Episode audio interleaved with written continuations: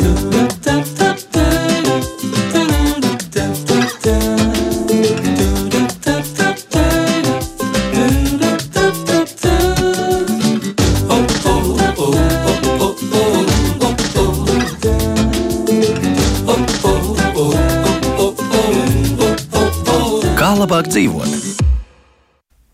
Esiet sveicināti! 1. septembris, jaunā mācību gada pirmā diena, un arī rudens pirmā mēneša sākums ir klāt ar visām tradicionālajām izpausmēm. Laiks kļūst dzestrāks, koku lapotnes zaļo krāsu nomaina košākas krāsas arī Rīgā, to starp citu jau var manīt.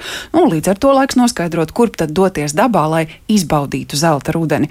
Kā izplānot ideālu rudens pārgājienu, par to sarunāsimies šorīt, un lai to izdarītu, tālāk esam aicinājuši divus pieredzējušus ceļotājus. Vidzemes augstskolas lektors, turismu un vidas eksperts Juris Smaļinskis. Labrīt! Labrīt! Un arī ārpus telpu pasākumu organizatora un vadītāja uzzina iepazīsti kodols Zaiga Kaira šorīt uh, kā labāk dzīvot studijā. Labrīt! Jā, labrīt. Um, Klausītājiem, kā Alaža, iespēja arī gan rakstīt, gan zvanīt, lai uzdot jautājumus, un, kas zina, ieteiktu arī savus iecienītos gala mērķus. Bet uh, jums abiem pirmais jautājums nu, kur tad Latvijā rudens ir viskaistākais? Es laikam teiktu, ka um, korneta puse man patīk vislabāk. Uh, es pati patiesībā rudenī Siguldā tā arī neesmu bijusi. Man vienmēr atradu šie cilvēku bari un šīs lielās masas, kas, no, kas brīvdienās tur dodas, un tāpēc es izvēlos citu pusi. Rudens ilgāk arī ir uh, slīteres pusē, kur arī ir skaistas dabas takas pieejamas ikvienam, un noteikti ieteikt arī turp doties. Noteikti būs mazāk cilvēku, it kā lielāks brauciens, bet ir tā vērts. Nu, es savukārt eh, teiktu, ka man rudens vislabāk patīk upju ielās. Eh, mums ir, ir senlējas, tādas vietas, kur eh, nu, kopš seniem laikiem tās um, relēja formas ir veidojušās. Un, uh, Attiecīgi, tur tie skati ir drusku lielāki un, un plašāki, un līdz ar to pārskatām, mm, pārskatām šie nogāžu meži, kas aug, kas ir ļoti bagātīgi ar lapu kokiem, un līdz ar to tie krāsojās dažādās krāsās un pie tādām upju senlējām vai precīzāk posmiem var minēt abavas senlēju, Daugaus senlēju, piemēram, posmā starp Daugaupili un Krāslavu. Arī Gaujas senlēju, nu, nav varbūt obligāti, kā Zaigs saka, uz Siguldi jābrauc, bet ir, ir jau vēl pietiekami daudz arī citu vietu. Var jau sākt iet no, no piemēram, no Murjāņu tilta un, un iet līdz pat uh, um, nu, uh, spicu tiltam, kas jau tur ir Ziemeļgaujā, un tas būs krietni vairāk par 100 km. Gan jau, ka nebūs tā, ka visur būs cilvēki tik daudz arī salatas ielē. Ja? Un faktiski gan salatu, gan, um, gan amatu, uh, gan uh, abavu var arī apskatīties, ejot meža taku, piemēram, šobrīd. Un arī jūras krasts ir posmi, kas, kur varbūt ir mazāks kuģu koku Līdz ar to tur ir, ir vairāk šie melnākšņi vai, vai, vai liepas ozoli, citi platlapi, kur tā krāsa parādās. Tad var izvēlēties arī kādu no jūras krasta posmiem. Jā, jūrtaka mežtaka viens no šo garo distanču pārgājienu maršrutu veidotājiem tieši arī ir Juris Maļinskis. Droši vien, ka šobrīd nobiedēja vismaz daļu klausītāju, jo 100 mm, km distance pārgājienā. Tas varbūt daudziem mūsu klausītājiem nav pa spēkam. Mēģināsim atrast tādu vidēji aritmētisko sākuma punktu. Es ticu, ka šobrīd daudz cilvēki jau šo Latvijas apceļošanu ir ieviesuši kā tādu nedēļas nogales iespēju dažādu iemeslu dēļ. Bet, eh, ja sākam iedrošinām tādus, kuri varbūt vēl nav tik ļoti pieredzējuši, plānojot pārgājienu, kas tad ir tas pirmais? Eh, ar ko būtu jāsāk, ar ko būtu jārēķinās, jo nu, Latvijas karte nav liela, pietiek ierakstīt ar pirkstu un aiziet, vai nu, tomēr kādi mazi knifi ir jāpieraksta uz lapiņas un jāizpilda. Um, Nu, noteikti var darīt arī tādā veidā, ka vienkārši iebakstīta kartu pirkstē un, uh, un, un, un doties uh, jebkurā virzienā, bet uh, pilnīgam iesācējam iespējams noderēs kaut kādi jau šie gatavie maršruti, tāpat pieminētā jūrtaka, mežtaka, kā variants, ja nu galīgi nav nekādas pieredzes un saprast, cik kilometri, kas būs, viss jau ir uzrakstīts un pateikts priekšā. Ir arī dažādas aplikācijas, piemēram, Dodies LV un citas, arī LVM Geo, kur šobrīd ir Latvijas valsts meži ir ievietojuši arī dažādus maršrutus. Pārsvarā tur būs apļveida maršruti, kas varbūt ir ērtāki arī savā ziņā iesācējiem, jo mazāk jādomā par transportu un citām loģistikas lietām. Līdz ar to var skatīties tur. Ir arī dažādas Facebook grupas, pārgājieni, pārgājieni pār un ap. Arī uzzini iepazīsti Facebook lapā, tiek likti dažādi maršruti un var tad, tad iedvesmoties no šiem konkrētiem cilvēkiem vai ceļotājiem vai no šīm Facebook grupām meklēt, jo cilvēki dalās arī ar idejām, ar maršrutiem. Un tie paši pieminētie korneti arī ir šie skaistie gravu skati, jo tad, tad Peļu ezera virkne, kas arī pēc būtības ir grava. Arī ļoti skaisti tieši tāpēc ir rudenī. Ja kādam interesē sēnes, piemēram, tad tur arī ļoti daudz kaut kas interesants ir atrodams. Tur var apiet apkārt arī Raipala ezeram, un tur kā reiz būs tieši šie mazāki maršruti. Tur var salikt gan garāku maršrutu uz 35 km, gan apiet tā aplīte 10 km, baudot lēnām, jo būs gan ūdeņi, gan skaisti skati, gan augšā lejā, būs ko iesvīst un arī vienkārši pastaigāt. Jā, kājām būs ko turēt. Ko Jūras iesaka kā tādus pamatpunktus, nu, ko sākt? Piekrītu Zaigai, ka uh, ir pietiekami daudz jau saplānots. Uh, es uh, nākotnes raidījumu saskaitīju jūra taka plus meža taka plus 1836, kas ir maršruts Latvijā apkārt. Uh, Latgalē, ap citu, ir taku, tapusi ezera taka. Tagad mums ir trīs jūra taka, ezera taka un, un meža taka, kas atspoguļo to, to mūsu Latvijas uh, būtību un dabu. Uh, Jēkab ceļu vēl pieskaitot un vēl, vēl dabu abas takas. Mums eh, šobrīd ir vismaz kā minimums vairāk kā 5000 km ejami, ne tikai 100 cauri gājas nacionālajam parkam, ko var normāli sadalīt mm. pa 20 km un, un, un iet, piemēram, nu, 5 dienas. Uh, un savukārt, ja tos vairāk kā 5000 km pārvērš tādā laikā, nu, tur pietiek gadam, gadam, ko iet, un, un iet gandrīz bez apstājas. Tā kā uh, šobrīd ir, kur iet, un, un arī mežtaks jūrtagas gadījumā mēs esam tiešām jau, jau priekšā, kā Zvaigznes teica, uzrakstījuši, jau ieteikuši, kā to sadalīt posmos ar, ar visu nepieciešamo informāciju, kas tur jāņem vērā, kas tur varētu noderēt. Ja? Kad varbūt vislabākais laiks ir iet, kā, kā nokļūt startā, kā, kā prom no finiša punkta tikt. Uh, nu, kur nu vēl sīkāk? Pat ar visiem tagad mēs pat esam salikuši ceļu segumus, jo mums uh, ārzemnieki, kas brauc no Vācijas, viņi teica, nu, mēs gribam zināt, pa kādu uh, virsmu mēs, mēs ejam. Līdz ar to katram, katram vienas dienas posmam ir pat, pat grafiks ar segumu, vai tur ir meža taka, vai tur ir grāmatēts ceļš vai, vai, vai, vai zemes ceļš, piemēram. Tā kā viss tā informācija ir pieejama, bet, protams, ir cilvēkam patīk plānot. Man, piemēram, arī ļoti patīk plānot maršrutus, bet mēs ar Vidzemes augstskolā esam pat grāmatu uzrakstījuši, kā plānot maršrutus, un, un, un tur, no, tur norētu veselu raidījumu par to. Bet savukārt, kā lauka ceļotājā, mēs esam šī, saplānojuši šīs takas un aprakstījuši, kā, kā viņas iziet, un, un nu, var ķerties klāt jeb, jebkurai no tām. Bet maršrutu plānošanas process ir, nu, tā, ir diezgan sarežģīts. Eh, bet nu, pirmām kārtām, kas tur būtu svarīgi, eh, neiezinoties varbūt tiešām visā procesā un detaļās, eh, kartes, kartogrāfiskais materiāls, lai, lai, izdomā, lai tu izdomātu, uz kurien tu brauc. Un šeit es varu ikvienam klausītājam ieteikt Latvijas Nacionālās bibliotekas resursus, jo ir tad, tad, bibliotekā speciāla kartogrāfijas nodaļa, un kartogrāfiskie materiāli ir digitalizēti. Un, tur var maršrutu var sā, sākt plānot, sākot izmantojot zviedru laiku kartes un pat varbūt vēl senākus plānus līdz pat nu, mūsdienām. Es arī maršrutu plānošanas procesā izmantoju tā saucamās aerolāzeru skanētās kartes, kas ir no, no, no no lidmašīnas vai satelīta, eh, kur tiešām parādās katra, katra mazākā detaļa, katra mazākā bedrīte un tas zemes virsmā. Eh, un, un, eh, piemēram, pētot militāro mantojumu no abiem pasaules kariem, tur, tur ļoti labi parādās katra, katrs ierakums un, un bijušie vācu pirmā pasaules un ne tikai kara dzelzceļi, pa kuriem arī var plānot kolosālus izziņas maršrutus. Ja? Nu, tas var vairāk būt tā, tādas ekspedīcijas vai izziņas.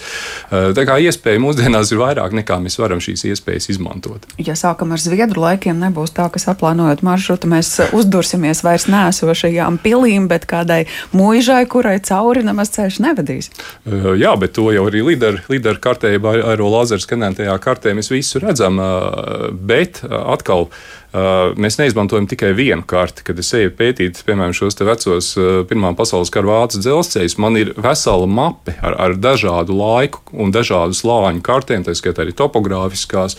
Un uh, par šīm īpašuma tiesībām Zāģi jau minēja, piemēram, LVM geo šī aplikācija. Tur, tur mēs varam noskaidrot, kur ir piemēram valsts meža robežas, kur ir privātās, ir kadastri LV, kārta elektroniski visiem, jebkuram pieejam, kur mēs varam arī šos īpašumus īpašums noskaidrot vēl pirms mēs dodamies dabā. Tā kā atkal ir jautājums par to, vai mums ir informācija, par to, ka ir šāda informācija un, un kā mēs viņu izmantojam. Bet atkal maršrutu plānošanas process, nu, tas, tās ir dienas. Pat īsi maršrutu izplānot pašam priekš sevis. Ja tu plāno priekš citiem, tad tas ir vēl lielāks, vēl lielāka atbildība, vēl lielāks darbs. Nu jā, ja draugos ir orientieristi, tad iespējams arī tajā kartē skatoties, var vairāk uzzināt un, un saprast, kā ir saplānot maršrutu citiem. Nu, kā jau Juris pareizi teica, citreiz ir tā, ka tas pats pārgājiens varbūt ilgs 4-5 stundas, bet tu pie viņas pavadīsi to darbu citreiz pat nedēļām. Arī man ir līdzīgi, es izmantoju ļoti daudzas kartes, kad man prasa arī labākā karte, kā plānot maršrutu, kur skatīties, kā skatīties. Man nav tādas viennozīmīgas atbildes. Man pašai arī kaut vai telefonā ir vairākas aplikācijas, katrai ir savs pluss, katrai ir savs mīnus. It īpaši, ja dodas ekspedīcijās pilnīgi nezināmā vietā, tu, protams, iepriekš vari skatīties vienu, otro, trešo, ceturto karti, un tāpat tās dabā tev sagaida kaut kas cits. Un līdz ar to ir tomēr labi izmantot arī tās mūsdienu tehnoloģijas tādā ziņā, ka tev ir vairākas aplikācijas, tu vari ieskatīties, kaut ko pamainīt, varbūt kaut ko tomēr esi palaidis garām. Un es domāju, no tā nav jākautrējās. Ja ir cilvēki, kas saka, nē, papīra karte, visu pa mežonīgo ejam ekspedīcijā, protams, arī tas ir savs piedzīvojums. Un tad, kad es dodos viena vai ļoti labi pārbaudītiem draugiem kopā nelielā skaitā, mēs reizēm tā arī ejam pa mežonīgo, citreiz pat īpaši negatavojoties un skatāmies, kas nu būs tikai pēc tādas nojausmas vai pieredzes, jo tā pieredze jau arī veidojās kartēs skatoties. Bet tad, kad tu ved citus cilvēkus, tad nu, mana pārliecība ir tāda, ka nu, tev tomēr ir jābūt gatavam. Pat ja tu saki, ka tā ir ekspedīcija, tev ir jāsagatavojas pēc maksimuma un ir jāsaprot tomēr, kur tu vedīsi cilvēkus, pat ja tā ir ekspedīcija, nevis vienkārši tāds ļoti pārdomāts um, pārgājiens. Nu jā, iespējams tas, kā reizēm saka ar, ar dabiska izskata veidošana frizētavā varētu būt vēl sarežģītāk, radīt ekspedīcijas sajūtu, lai zinātu, kas aiz kuras stūra cilvēkus sagaida. Tā tad uh, ir labi, ja ir papīra kartes un kas zina kompass ar magnēta ādatu, bet uh, citādi viedtālrunis ar tā piedāvātajām iespējām noteikti ir, ir vajadzīga lieta Protams, vislabāk jau ir patiesībā tās zināšanas apvienot. Jo, protams, tev ir jārēķinās arī to, ka internets pēkšņi var nebūt, kaut kas var nobrukt, telefons tev var noslīgt pa ceļam, vēl kaut kādas. Tāpēc ir jābūt gatavam arī tam, un it īpaši, ja tu tiešām vedi sev nezināmā vidē, tad uh, man arī ir bijis, ka, protams, es drukāju un ņemu līdzi arī papīra karti, un uh, nu, ir jābūt tam gatavam. Mm. Paklausīsimies, ko klausītāji šobrīd uh, gatavi sacīt. Labrīt! Eh, labrīt!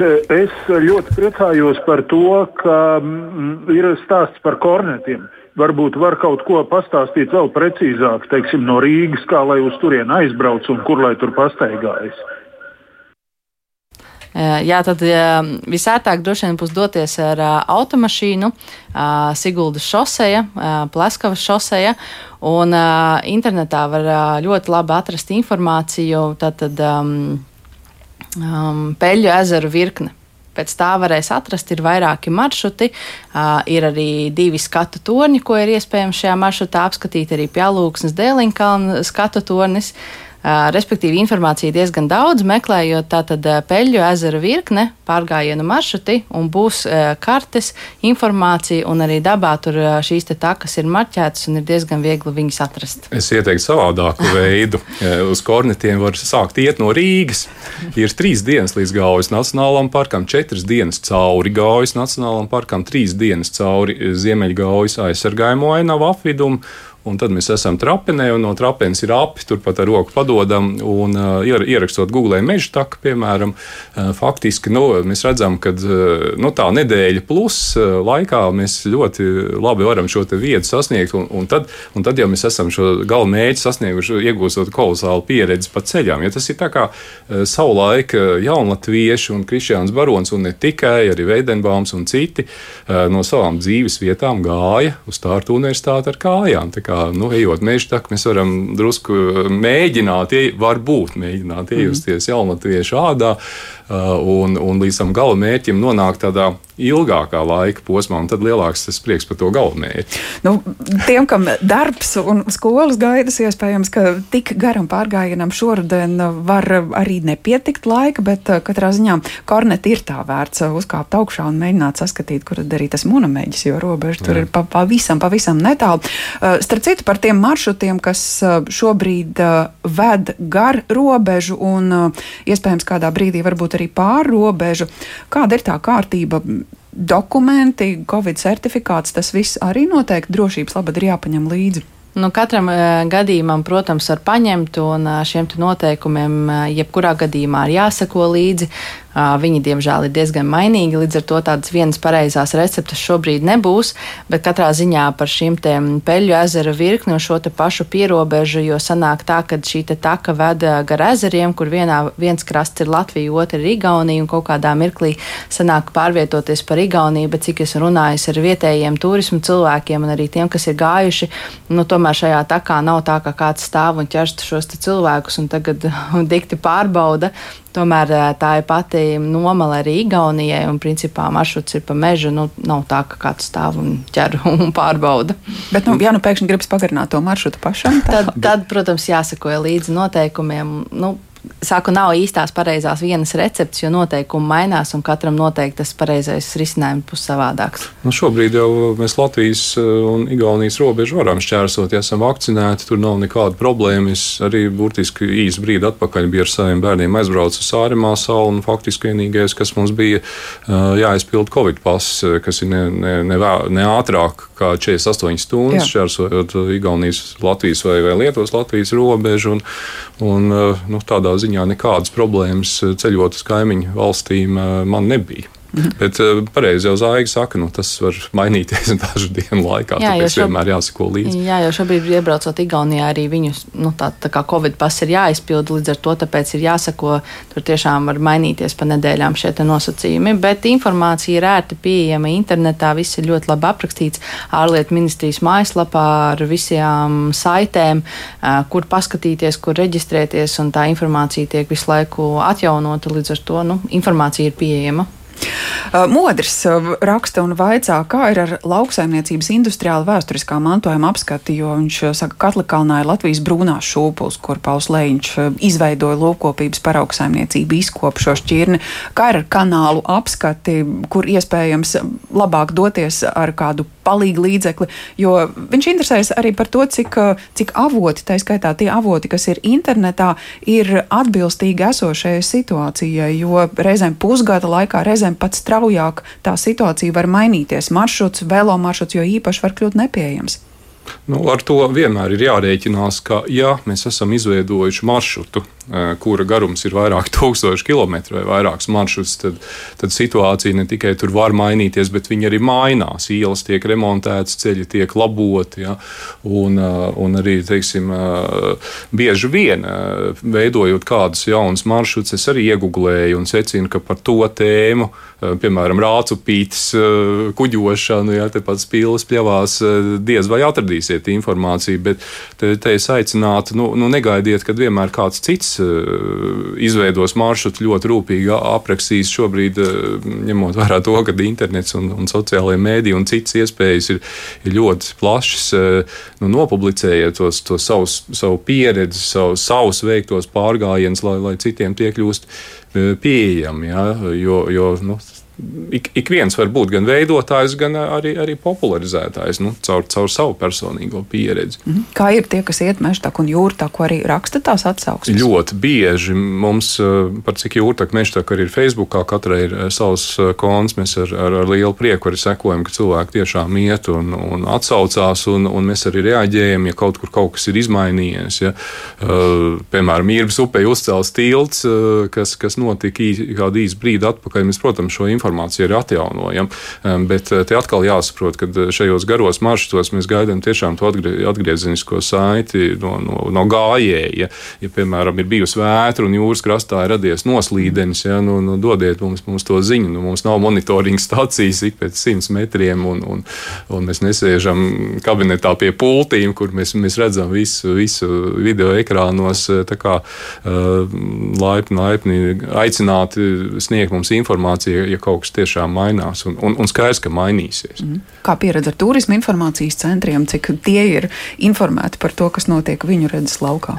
Ļoti dažādi. Ir ļoti pozitīva pieredze, kad tiešām tur strādā teikt, cilvēki, kas ir savā vietā, īstajā vietā un ar patiesu entuziasmu zina katru stūrīti un katru cilvēku. Un ir tādi cilvēki, kas um, strādā, kam varbūt īsti vēl nav pieredzes vai nav tās zināšanas, vai kas orientējās tikai uz tādām pamatlietām, kas ir publicētas mājaslapā un neko vairāk arī nezina. Līdz ar to nu, tā pieredze ir ļoti dažāda. Un, protams, atliek cerēt, ka šie cilvēki tikai mācīsies, apgūs un būs atvērtāki. Jo arī, teiksim, man kā pārgājienu un pasākumu aktivitāšu dažādu organizatoram jāsaka tā, ka jo atsaucīgāk ir šie turismā iesaistītie cilvēki, jo vairāk tajā reģionā notiek pasākumu un arī finansiālā ziņā iegūst šajā reģionā visi. Līdz ar to nu, tas ir ļoti, ļoti cilvēciskais faktors, jo tev var būt ļoti laba vide, ļoti laba vieta, bet, ja nebūs atsaucīgi cilvēki, tad nu, pasākumi īsti tur nenotiks. Tu aizbrauks varbūt individuāli, bet pasākums tu visticamāk tur neorganizēsi, jo tas tev sagādās tik daudz problēmas un raižu, ka tas būs sarežģīti. Un vēl atgriežoties pie šīm kartēm, kā man reiz teica cilvēks, kas strādā tieši pie karšu izstrādes, jebkura karte tajā mirklī, kad viņi ir publicēta, viņi jau ir novecojusi. Tad, tad viss dabā, dabā, vidē, viss ļoti, ļoti mainās, un, protams, tam ir ļoti jāsako līdzi. Ja, teiksim, dodas kaut vai uz to pašu Igauniju vai Lietuvu, tuvās kaimiņu zemes, arī tepat Latvijā, viens no variantiem, kā par dažādiem objektiem var meklēt informāciju, tas ir izmantot šo pašu Google Maps. Latvijā varbūt vēl nav tik aktīvi, bet, piemēram, Igauni diezgan aktīvi eh, Google mapā pie objektiem raksta atsauksmes. Līdz ar to arī par takām viņi raksta, piemēram, šobrīd aplūdus. Tu skaties, ok, tādas atsauksmes ir katru gadu martā. Nu, varbūt tad, ja negribi piedzīvot ekstrēmu, martā nedodies, dodies citā gada laikā, respektīvi izmantot šīs atsauksmes, kas ir arī Google Maps, kas arī viens no resursiem, kā tu vari aktuālo informāciju saņemt un, protams, būt arī pašiem aktīviem, kā Juris minēja, un rakstīt šīs atsauksmes, palīdzēt arī citiem ceļotājiem, jo tas pēc tam atsaucās un palīdz arī tev pašam. Vēl tie ir atsaucīgi, un viņi raksta, ka iesaka apmeklēt ieriķu dzirnavas septembra beigās, oktobra sākumā. Pasakaina vieta ar ūdenskritumiem, kur laši dodas pāri uz nāstu. Lūk, tāds ieteikums. Gaidām arī citus mūsu klausītāju ieteikumus, kur tad dabā vislabāk izbaudīt zelta rudeni. Kā labāk dzīvot? Kā tad saplānot lielisku pārgājienu pretī zelta rudenim par to, kā labāk dzīvot studijā sarunājamies ar Vidzemes augstskolas lektoru, turismu un vidas ekspertu Juris Maļīnski un ārpus telpu pasākumu organizatoru un vadītāju uzzina iepazīsti kodola zaigu kairi. Un uh, te tikko arī par ūdeni sākām runāt. Ieriķu dzirnavas mūs uzvedināja uz domām, ka uh, lietus vai varbūt ūdens upēs reizēm ir pat tas, kas uh, var sagādāt interesantus skatus. Eh, es arī varu aicināt, tāpat kā dabas aizsardzības pārvalde, rudeņos doties gar mazajām upītēm un, un vērot lasveidīgās zivis, eh, lai varbūt arī patraucētu kādam, kas ne tikai vēro, bet dara kaut ko sliktāku. Eh, un man pašam ir bijusi laba pieredze gan Gaujas Nacionālā parkā staigājot gar, gar mazajām upēm, gan arī, piemēram, Kurzemē ir tāda maza, bet jauka upīte, kur mēdz ar laivot ar rīvu. Eh, nosaukums. Un, uh, tur tāds uh, rīvs leidecē jauks uh, mazs groziņš, kur es vienreiz ieskrēju rudenī un padzēru kafiju un ar, ar lielu, lielu stiklotu logu, un otrā pusē tā, tās vec, vecais dzirnava aizprosts, un, un tur lec pāri taimiņi, un lec ļoti daudz, un, un viens pēc otru, un tad tev tā sajūta, kā skaties televizoru nacionālā geogrāfijā un, un dzer to kafiju, un nevar noticēt, ka var būt tik skaisti skati dabā. Tā kā arī var ne tikai tās lapas, bet arī tiešām dzīvo e, dabu vērot, un, un kur nu vēl sēnes, ja mums Latvijā, pateicoties Diānai un, un Initei, ir lielā sēņu grāmata izdot, to varat ņemt ķešā un, un, un doties skatīties šos sēņu brīnumus. Tā kā dabā rudenī darīt ir ko. Nu jā, sēnes iespējams daudz labprāt skatās, bet turpat arī atstāja, jo to zināšanu pietrūkst. Nu, sēnēm tīk lietus. Pārgājienu dalībniekiem arī patīk ielīst. Dažādi. Galvenais ir attieksme. Ja mēs runājam vispār par gatavošanos pārgājieniem, sākumā bija tas jautājums, nu kas tad ir vajadzīgs, lai dotos pārgājienā. Man liekas, tas pats galvenais jau ir tā gribēšana, vēlme un attieksme. Un, ja tev ir pareizā attieksme, tad tev nu, nekāda šķēršļa nebūs. Tev varbūt būs kaut kas nepatīkamāk, vēl kaut, kā, kaut kāda pārsteiguma, kas nevienmēr pirmajā mirklī patīkam, bet beigās tev vienalga būs tas uh, piedzīvojums. Tāpēc pats galvenais ir tā attieksme. Ja mēs runājam jā, par, par, par rudeni un par ūdeņiem, tad tas ir laiks, kad var doties skatīties arī Latvijas ūdenskritumus, kas arī ir mazāki, jo tajā laikā, kad līst, tad, tad piepildās šis te ūdens, jo vasarā reizēm ceļotāji brauc uz šiem Latvijas mazajiem ūdenskritējiem, saka, ai, nu tur jau nekā nav, skats briesmīgs, bet patiesībā tas īstais laiks ir pavasaris un rudens, kad sāk līt, kad ir lietus, tad atkal piepildās šis te ūdens un atkal ir skaistas ainavas un, protams, krītošas lapas. Protams, tas būs vizuāli patīkamāk nekā vasarā īstais fotografiju laiks ir rudens. Jā, ja? jā. Bet uh, par to lietu un, un patīkamo un nepatīkamo runājot. Uh, Vilnas zeķes, rēķinot, ka tiks uh, varbūt piesmelti apavi, kaut kas drošības labad mugursomā, kāds našķis vai vēl kaut kas. Nu, daudziem droši vien pašsaprotamas lietas, bet uh, tiem, kuri ar labu gribu ir aizgājuši un tikai pēc tam saprot, ak, šī viena vai divas lietas pietrūka, nu, kas ir jāieliek somā? Nu, tā īsti perfekti un absolūti sagatavoties droši vien nekad nebūs iespējams, ja vien tu tiešām negribi nest 20 kg somu. Nē, nē. es esmu no tiem cilvēkiem, kas vienmēr iedrošina doties, kad ekipējums nav tik svarīgs, jo mēs nekāpjam kalnos, ja vien jūs neplānojat tiešām iet 30, 40, 50 km vai uz vairākām dienām kad ekipējums tomēr nav tik būtisks. Jā, labs ekipējums, ļoti labi apavi, labas zeķes, vieglāka jaka, tās ir ērtības, bet tā visa nēsamība noteikti nav iemesls nedoties pārgājienā. Jo man bieži cilvēki teikuši, ah, es ļoti gribu braukt foršs maršruts, bet man nav tas, man nav tas. Es saku, nu kaut vai botas tev ir visparastākās. Jā, ir. Es saku, ok, mums nav tāds pārgājiens, mēs nekāpsim kalnos, mēs nekur nebridīsim, mums viss ir vairāk orientēts uz ainavām. Nav svarīgi ir džinses, nevis viegls pārgājienu bikses. Tas nav iemesls nedoties. Galvenais ir tā attieksme. Saku, ja vien jūs neiet eh, ļoti garā pārgājienā, jūs neiet kalnos kaut kādā ļoti specifiskā vidē, var bez tā visa lieliski iztikt, un uh, cilvēki iet, un, un viss ir kārtībā. Nu, Galu galā vēl pat 20, 30 gadus atpakaļ nekā jau tā nebija, un cilvēki pat kontinents atklāja. Nu, kā, kā tad viņi to paveic bez visiem šiem ekipējumiem? Bet, uh, ja par kaut kādām lietiņām, kam ir jābūt, tad nu, apavi būtu droši vien pats svarīgākais, pie kā jāpiedomā, lai ir ērti, un, ja ir iespēja paņemt līdzi vai nu maiņas apavus vai maiņas zeķes. Arī pašā pārgājiena laikā, ja kājas samirkst, ir diezgan patīkami pēc kāda laiciņa nomainīt tieši zeķes sausus ievilkt. Tas radīs papildus komforta sajūtu. Un tā tas ir varbūt tāds viens mazais knifiņš, ja mēs nerunājam par lielu ekipējumu ņemšanu līdzi. Nu, pilnīgi piekrītot Zaigai. Jā, jāsaka, ka laikam tā, tos kontinentus atklāja cilvēki bija drusku izturīgāki, tādi salīdzinājumā ar mums, tā, tādi uzņēmīgāki. Bet eh, joks pie malas, jā, es, es arī esmu ļoti demokrātisks un, un atsaucoties vienu uzņēmēju, kurš teica, nu mēs nedzīvojam tāigā, kur jāiet tūkstošiem kilometru un kur tiešām ir jāizdzīvo vēl plēsīgie zvēri, lai gan tas arī joks. Uh, Latvijā man, man pietiek ar telefonu un, un kredītkārti faktiski, un nu, bišķi skaidrā nauda. Jā. Uh, bet eh, nu, tas, ko tiešām es vērtībām, eh, savām personīgām vērtībām eh, paņēmu, es paskatos prognozes tā, tādā plašākā mērogā.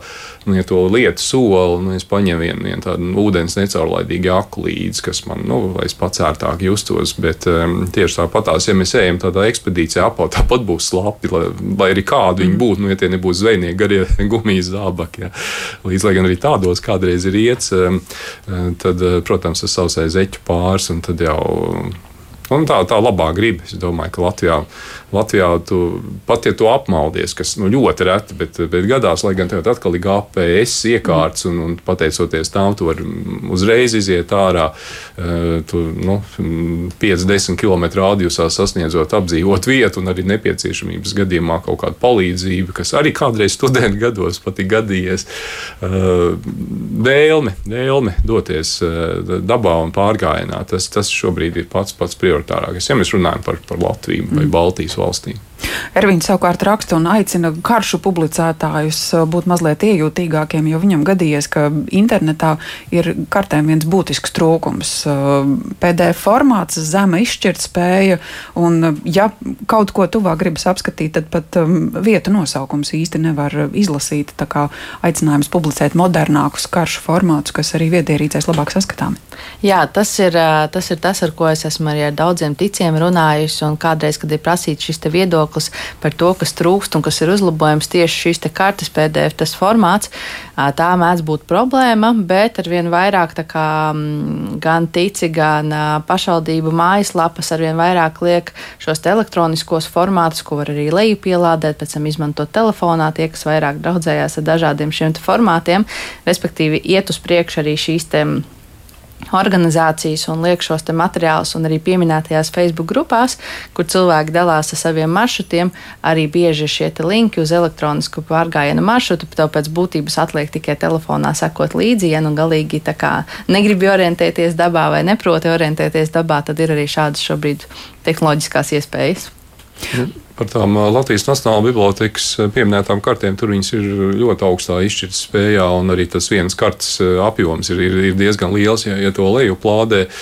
Bet katrā ziņā es, es ieteiktu iz, izmantot arī, arī šo resursu, un mēs kā reiz arī tagad ar, ar kolēģiem uztaisījām tādu, nu, faktiski taisām mazu, mazu filmiņu, kas parādītu, kā izmantot šos LNB resursus tieši, tieši arī vietas stāstu mm. veidošanā, vai, vai tas būtu novadu pētnieks vai, vai kā zāģa maršrutu veidotājs vai, vai turists parastais. Kad būs gatavs turistiem parastajiem, tas varētu interesēt. Uh, es ceru, ka oktobrī kaut kad būs. Tā kā zelta rudenī vēl varēs plānot Jā. arī ar, ar šī rīka palīdzību, uh, bet kopumā. Uh, Facebook grupas, uh, sociālai tīkli, Instagram ar fotografijām visdažādākajām. Nu, cik ļoti tam var uzticēties? Uh, tur neviens nemēģina ievest mežā un tur arī atstāt.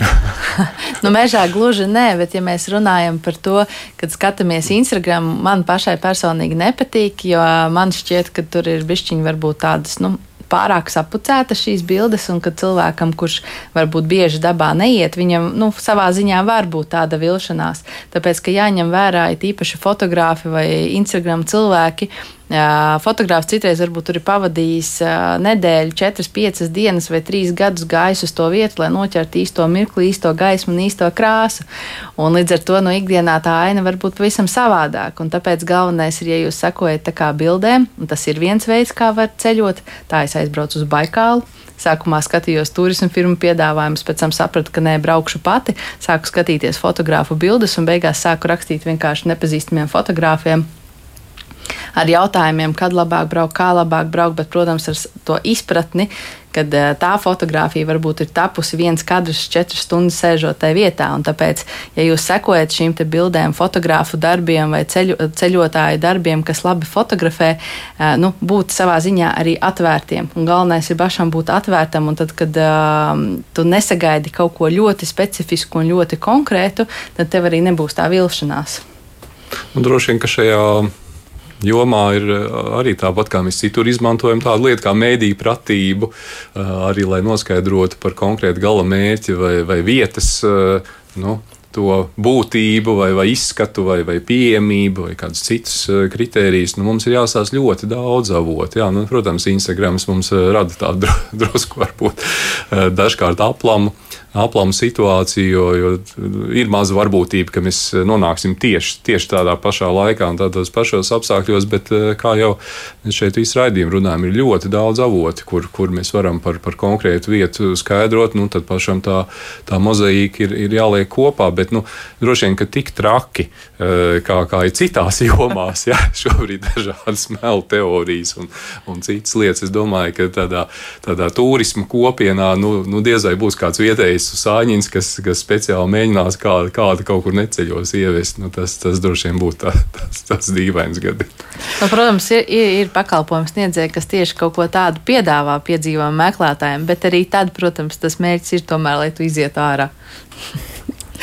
Uh, lūk, tā par Latvijas iepazīšanu rudenī un par Latvijas iepazīšanas uh, vēsturi mēs arī varam runāt. Nu, skaidrs, ka šis un pagājušais gads ir tāds, ka cilvēki mēģina iziet cik vien iespējams ārā, bet uh, tā dzimtenes iepazīšana tas nav tikai mūsu laiku process, kad nu, te katram ir savs personiskais auto. Nu, runājot par vēsturi, mēs tikko ar Vidzemes augstskolas kolēģiem un, un citiem autoriem no citām Latvijas augstskolām sagatavojam. Nu, tas gan bija vairāk gadu darbs, lielu, milzīgu Latvijas turismu vēsturi, kur mēs faktiski skatāmies ceļošanas vēsturi jau kopš viduslaikiem, kopš kaupo laikiem, 13. gadsimta. Un, tā, šis materiāls šobrīd arī ir pieejams elektroniski. Ir, ir aicinājums visiem nu, ierakstīt Google un, un mēģināt atrast. Tā, to, to nav grūti.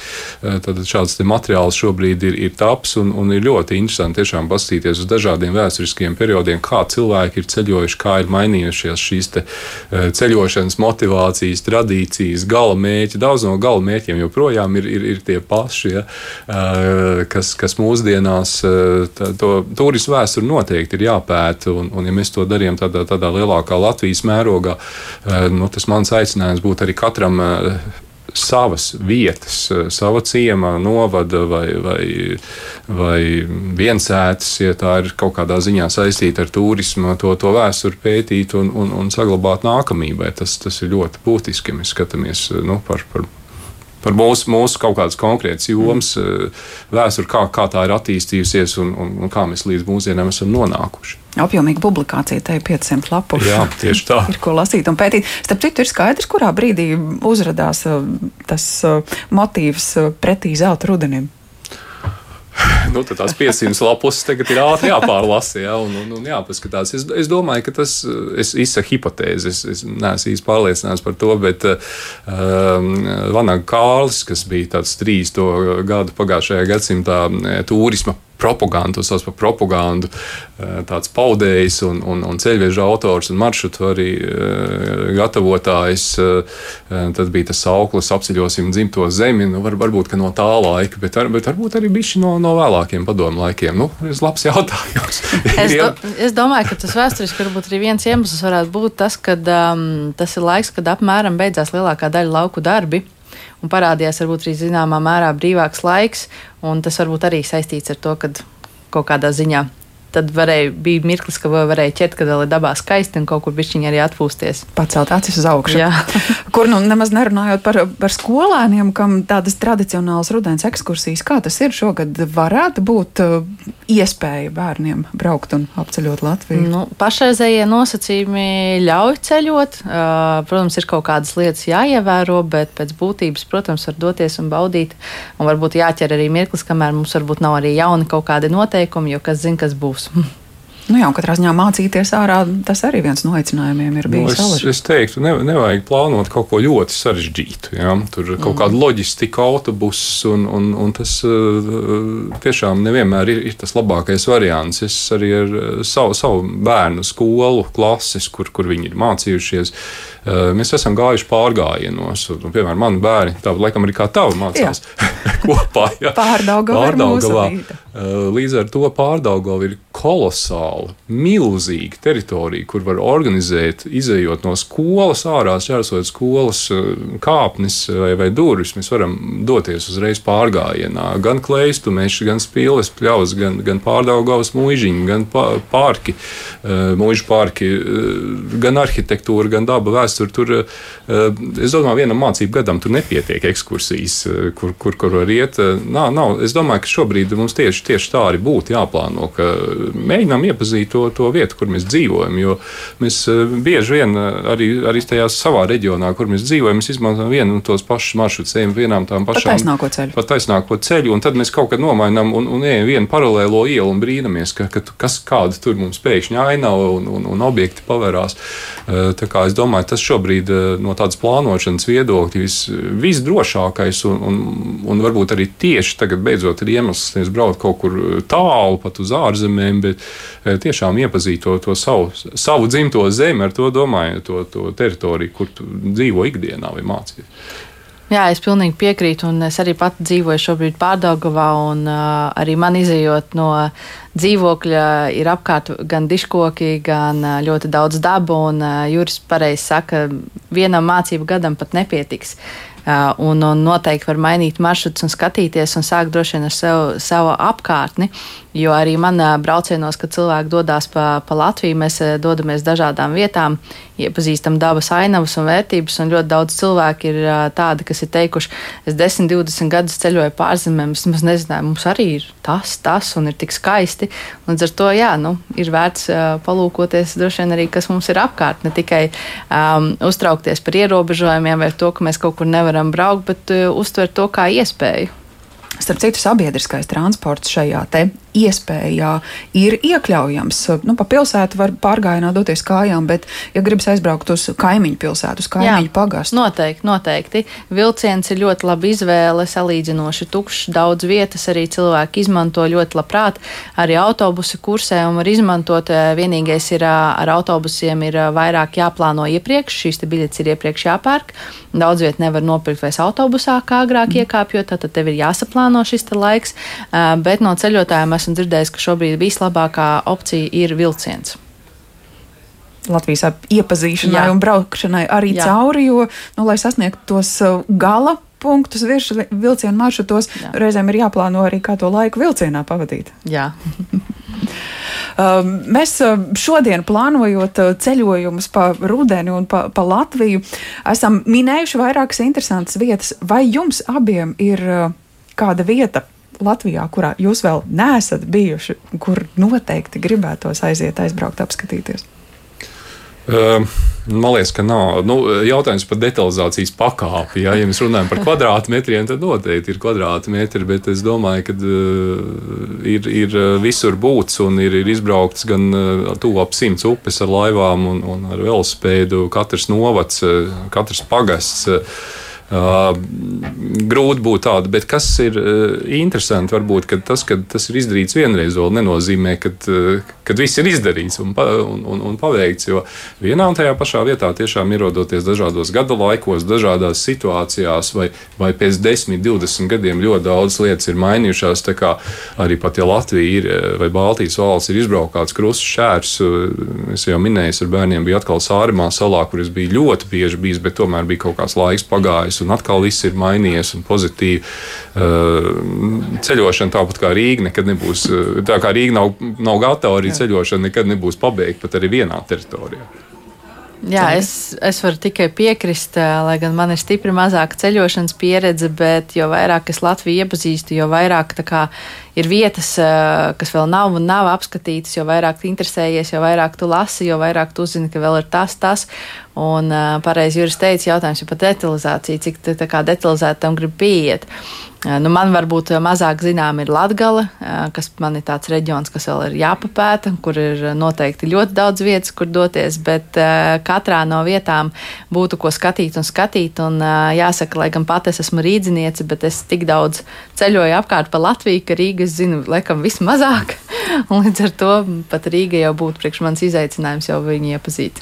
Nu jā, apgājuma piedāvājums Rīgā attīstās un aizvien kļūst interesantāks. Elita tikmēr raksta, ka viņa bijusi interesantā pārgājienā kuivīžos ainažu pusē par randu pļavām. Cintrs kolāts organizē tādus, un viņai tas šķitis ļoti interesants piedzīvojums. Mēs vairāk kārt minējām kornetus, gar jūru arī izgājām un tikko Latgale. Um, kā saprast, kurp var doties vienkārši tāpat, nu, acīm redzot, to var jebkurā brīdī, bet kur būtu labi, ja līdzās ir kāds zinošs cilvēks, kurš pastāsta gan mazliet vēsturi, gan palīdz arī tā zinošāk ieskatīties tajā pašā dabas ainavā, kā to izvērtēt. Nu, droši vien jau jebkuram dabas objektam, ja tev blakus ir zinošs cilvēks, tu iegūsi kaut ko vairāk nekā ejot pats. Jo kādreiz esmu dzirdējis komentārus, kad um, ir um, pārgājienu organizatori, kas maršrutos iekļauj jau izveidotas takas, kur pat ir informācijas stendi. Un kā tad tā, un uh, es taču stendā pats varu izlasīt, es pats visu varu atrast. Kurš bet, gan to lasa? no, ir kas lasa. Pirmkārt, jā, kurš gan lasa? Ir daļa šādi cilvēki, un ir daļa, kas lasa. Un kā mana pieredze rāda, izlasa, paskatās. Hm? Ne tā kur, pīle, ne tas putns. A, kur, a, kur tad tas augs, a, kur tad tas? Ja nav tā pieredze, ja nav tā zināšana, tu vari izlasīt, un tu tāpat neredzi tajā mirklī, ka tu vienkārši cilvēkam parādi ar pirkstu, tu viņam paskaidro, tu viņam izstāsti, tas iedod pavisam citu vērtību. Arī citreiz cilvēki sāk pārgājienos prasīt ļoti daudz par katru sēni, par katru augu, ko mēs redzam, un tad es bišķiņi lieku uz stop, es saku, sākam ar vismaz dažiem. Iemācieties atpazīt tos dažus, tos dažus pamanīt. Un tad, kad tie daži jau ir apgūti, tad cilvēks jau pilnīgi citu skatienu iet, viņam jau acis nofokusējās, viņš iemācās pats jau ieraudzīt, vairāk redzēt, un tā arī tā jautāšana kļūst tāda kvalitatīvāka. Jā, nu par tiem pārgājieniem, ja mēs to, to, to pie tās tēmas pieturamies. Tiešām cilvēkiem ir ļoti dažādas motivācijas, kāpēc viņi iet pārgājienos. Vieni iet, lai galvu izveidinātu, citi iet, kā Zaiga minēja, un arī, arī vada šīs grupas ar mērķi izzināt. Ja, tas jau ir tas ļoti sīkais detalizācijas līmenis, ka tu tiešām pēti jau pat ne pat pa kvadrātmetriem, bet tu jau pēti jau, jau ar lupu to, to, tos pāris kvadrātcentimetrus. Uh, ir tādi, kas tiešām dodas dēļ, dēļ kaut, kādām, kaut kādiem jauniem pieejamiem pieredzējumiem vai, vai baudīt kultūru vēsturi.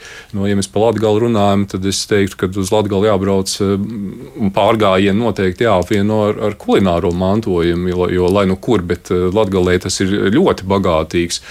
Un, un arī mēs lauku ceļotājā esam apkopojuši gan zemnieku saimniecības, piemēram, kur var skatīties eh, šo tradicionālo dzīvesveidu, bet tajā pašā laikā arī iegādāties produkciju, kas ir, kas ir audzēta, eh, vai arī, arī saimniecības, kur eh, tiešām gatavo ļoti garšīgu latgalis tra, nu, tradicionālo vai vēsturisko ēdienu, kur, kur ir iespējams pasūtīt degustācijas, kur ir iespējams to nogaršot. Un tā, man liekas, arī tāda ļoti labs veids, kad tu vari pārgājienos iepazīt reģionu caur, caur dažādām maņām. Ne tikai acis un skaistie skati, bet, bet arī garšas, piemēram, un, un, un ēdiens vai nezinu, alus, piemēram, mm. vietējais darinātais, un, un, un ne tikai alus, arī, arī citi dzērieni Latgalē tiek Eh, tiek eh, taisīti un, un pat rādīts, kā tas eh, tiek darīts, un var turpat tās nodegustēt. Tā kā atkal to, to iespēju ir tik ļoti daudz, ka mm, to, to pat vienā raidījumā nevar izrunāt. Vai, piemēram, Rāznas Nacionālais parks, kas ir ļoti interesanta teritorija tieši, tieši pārgājienu ziņā ap, ap Rāznas ezeru vai, vai Daugaus jau minētie loki. Es tikko arī braucot cauri Latgalē piestāju pie viena tāda nu, salīdzinoši jauna objekta, kas bija pagājušā gada gada objekts, eh, rundēna vēlna dobis, kas ir tādos eh, nu, sarežģītos geoloģiskos procesos veidojušies.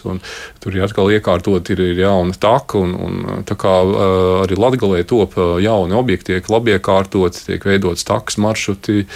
Latgala nav izņēmums. Kāpēc? Kāpēc gan nedoties uz Latgali? Un plānojot nedēļas nogali, kāpēc neieskatīties arī mājas kafejnīcas piedāvājumā? Tas vasarā sācies, šķiet, turpinās vēl arī rudens. Jā, līdz pat oktobrim. Tā, tā tiešām ir, ir nu, mēs šo iniciatīvu ar sadarbības partneriem uzsākam, un, un viņi ir ļoti plaši aizgājusi. Un, un vasarā bija uh, viss. Kā mēs to varam pateikt, izķerts. Izķerts, jā, tas labs teiciens.